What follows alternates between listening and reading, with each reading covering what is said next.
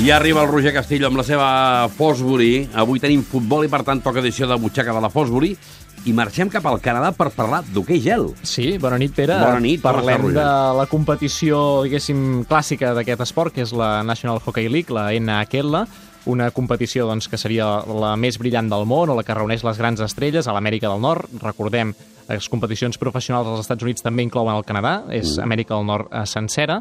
És una competició que té un fet destacable, que volia remarcar abans d'entrar a la història d'avui, que és la més veterana de totes aquestes lligues professionals. Va néixer el 1917, d'aquí poc farà 100 anys oficialment, però ja el 1909 ja havia començat doncs, a disputar-se sense el nom de la NHL, i el 1893 s'havia començat a celebrar una disputa d'un títol, que era l'Stanley Cup, que és el, que, el títol que avui en dia es dona al guanyador de la NHL. Per tant, un esport més que centenari, que té molta, molt bagatge al darrere, mm. molta solvència, podríem dir, una trajectòria important, i que, a més a més, doncs, té la particularitat doncs, que té una, un país, que és el Canadà, que és l'esport nacional. L'hoquei sobre gel al Canadà és l'esport doncs, que aquí podria ser el futbol, o que la majoria del món eh, ara mateix és el futbol. Allà és l'hoquei sobre gel, amb una afició brutal, un esport de base molt cuidat, i que més enllà dels equips professionals, que són els grans dominadors d'aquesta lliga històricament, doncs eh, això és un esport seguidíssim.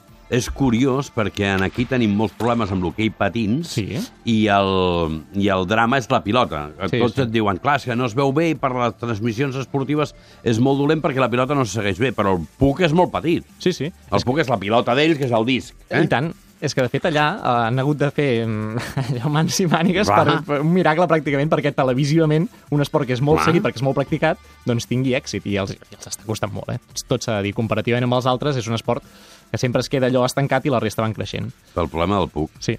I sí, visualment, via tele és, és complicat, és complicat. Als anys 40 i 50 del segle passat hi va destacar un equip que es va endur quatre campionats en 5 anys. Sí, el Toronto, el Toronto Maple Leafs, és un dels Toronto equips entero. històrics. El 1917 va guanyar la primera lliga de la NHL i als anys finals dels 40, del 47 fins al 51, es va imposar en 4 de 5 temporades. Per tant, va guanyar el 47, el 48, el 49 i el 51 amb un equipàs en què brillava un jugador que era molt jove. Amb 19 anys va debutar la temporada 46-47. Aquest jugador es deia William Bashin Bill eh, Barilko, Barilko era un jugador d'origen ucraïnès, però era, era d'allà mateix. Va començar a despuntar la primera temporada, no només despuntar, sinó que va portar l'equip cap al títol i, a més a més, va participar ja al Partit de les Estrelles, a l'All-Star d'allà, doncs, que era una, una competició que s'havia ja establert des de feia més de, més de 10 anys. A l'any 48 torna a guanyar el títol i torna a ser All-Star, el 49 més del mateix. L'any 50 baixa el nivell, allò es destensiona una mica, allò competitivament sempre costa als grans esportistes Sí. doncs, aguantar el, el màxim nivell. Um, L'equip no aconsegueix el títol i ell ja no és All-Star. I el 51, que tampoc té la millor temporada de la seva, de la seva carrera, perquè enganyar-nos, doncs l'equip torna a guanyar, però ell és determinant. És a dir, ell no fa la millor temporada, però al final hi és.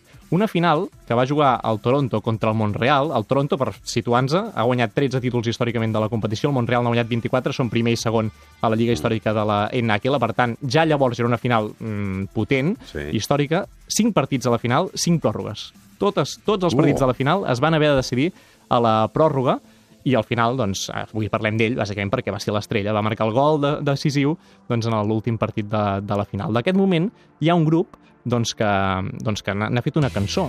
Anys més tard, aquesta cançó que ja sona perquè el mestre Luque és molt ràpid, És molt bo. als anys 90 hi ha un grup canadenc que va parlar d'aquesta història i també de, de la, del cas de Barilko, del que li va passar a ell.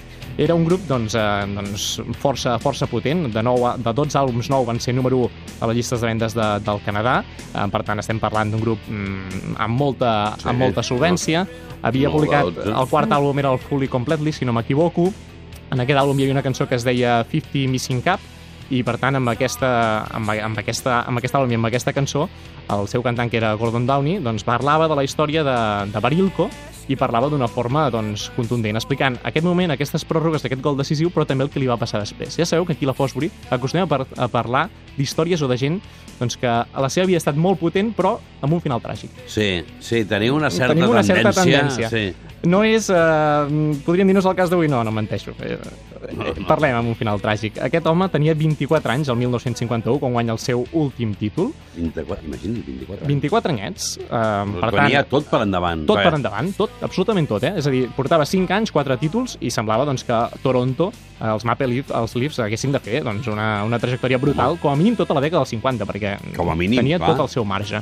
Què li va passar? Doncs que se'n va anar de vacances, com qualsevol altra persona, amb un amic seu, que era dentista, va agafar una avioneta, se'n van anar a pescar, mm, perfecte, al mes d'agost, doncs han passat 4 mesos al final del títol de Lliga, encara no ha començat la temporada següent, doncs amb molta tranquil·litat, però al tornar van agafar una altra vegada l'avioneta i van desaparèixer. Això va significar doncs, que hi va haver eh, doncs, un drama eh, a l'equip de Toronto, un drama doncs, al país, a Canadà, perquè era la seva gran estrella, la gran referència de l'esport dels últims anys. La policia va començar una investigació, el van buscar sense èxit, no van saber què li va passar, i no van saber-ho fins al cap d'11 anys. Va estar 11 anys? 11 anys sense saber què havia passat a una estrella com era Barilko. És a dir, no, no, no allò en qualsevol que la, la policia pugui tenir aquesta tendència doncs, a desentendre's, no, no, una persona que tenia molt de seguiment al darrere, molta pressió mediàtica de gent, ei, què passa amb Barilko? Doncs 11 anys van trigar a trobar el cos, perquè evidentment el que va passar és que va tenir un accident d'avi- d'avioneta. Un pilot d'helicòpter doncs, eh, sobrevolant el 1962 la zona en qüestió, no perquè la busqués, sinó doncs, eh, per les Per seves activitats, per sí. casualitat va haver allà un trosset de l'avioneta, van baixar, van trobar els dos cossos de, de Barilko i del seu amic i per tant doncs, van trigar tot aquest temps a, a saber què li havia passat. Un cop van trobar el cos, van poder-li fer un enterrament al seu poble natal, amb tots els honors, evidentment, i Barilko va tenir la coincidència, que també l'explica la cançó, que és molt curiosa, que és que Toronto, després de, de, de desaparèixer del mapa, va enfonsar-se eh, absolutament. Va estar 11 anys sense guanyar el títol de Lliga, però a l'11 any, quan van trobar precisament Barilko, va tornar a guanyar el títol de Sí, va Lliga. guanyar com el Cid, diguéssim. Coincidències de- d'aquestes Sí. doncs, que, que de són- vegades Que fan que l'esport sigui increïble. són, són curiosíssimes. Això ho hauríeu de fer una vegada, perquè ara em parles de Barilko, però a l'Inter va tenir un accident de- d'aviació, Mhm. el Manchester va tenir un accident d'aviació... Sí, sí, en l'esport hi ha hagut tragèdies, Blume va tragèdies tenir un- dures. Tragèdies dures Duríssimes, amb eh? aviació i amb altres, i amb altres mitjans Sí, de sí. transport, però especialment amb aviació hi ha alguns casos doncs, que són eh, aquells que et fan posar la pell de gallina o els pèls de punta, diguem-li com vulguem. història. Abans d'acabar, com sempre, m'has d'explicar el moment Fosbury de la setmana. Bé, és molt senzill en aquest cas, perquè com que parlem d'hoquei sobre gel, avui ho teníem fàcil. Um, tenim aquest 22 de novembre, que ha estat aquest dissabte passat, una cita Mm. que segurament a molta gent li ha passat desapercebuda, però que és important, que carai, és la Copa Catalana d'aquest esport, d'hoquei sobre gel, i ja sabeu que aquí a casa nostra, per sort, El Puigcerdà. tenim doncs, dos grans equips, un és el Puigcerdà, l'altre és el Barça, Mm. es van enfrontar en aquesta final a partit únic, eh, precisament al Palau de Gel de Puigcerdà, i va guanyar el Puigcerdà. Va guanyar el de casa, 7 a 4 a la final, gol de Salva Bernola per començar, i amb una retirada de Salegui, doncs, que era l'últim partit que jugava amb el Puigcerdà, un jugador històric d'aquest club, i que es va retirar després de- d'aquest partit, per tant, des d'aquí doncs, l'enhorabona, una trajectòria llarguíssima, plena d'èxits, a més a més amb una temporada estranya, perquè l'hoquei sobre gel ha, ha canviat la competició, hi ha més equips, hi ha una desigualtat enorme entre els grans equips i els equips petits que han entrat de cop i volta, i està una mica deslluïda aquesta temporada, per tant, era important que aquesta Copa ta- Catalana doncs, eh, se celebrés bé, amb un 7 a 4 doncs, és una, un resultat molt digne. 7 a 4, és molt. Victòria pel eh? Puigcerdà i, per tant, enhorabona des d'aquí. Aquí no acaba d'arrelar, eh? Aquí costa molt l'hoquei sobre gel, perquè bàsicament no tenim aquesta tradició. Pels mitjans, Pels també. mitjans, eh, pel eh, televisivament també és difícil de seguir, no hem trobat la solució. Té molts factors que és complicat, però sí que és cert que a la Cerdanya i al voltant de Puigcerdà hi ha una Sí. afició bastant més extesa que no pas la que podem tenir aquí I prop de aquí el Barcelona. Barça aguanta perquè és el Barça. I el Barça aguanta per què? Per què té el nom? Roger, moltíssimes gràcies. A vosaltres, com sempre. Bona nit. Que